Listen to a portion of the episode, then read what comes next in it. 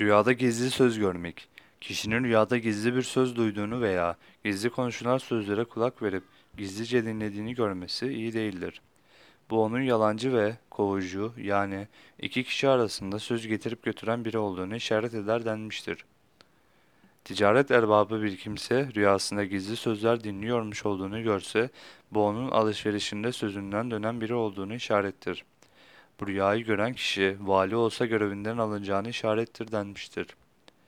Rüyasında bir kimseden gizli söz dinlediğini görmek, o kimsenin gizli taraflarını araştırıp onu rezil etme yollarını araştırmaya istekli olduğunu işaret eder denmiştir. Kişinin rüyada başka birisinden bir söz işittiği halde bunu işitmemiş gibi gösterdiğini görmesi, onun yalan söylediğine ve bu yalanına devam ettiğini işarettir denmiştir.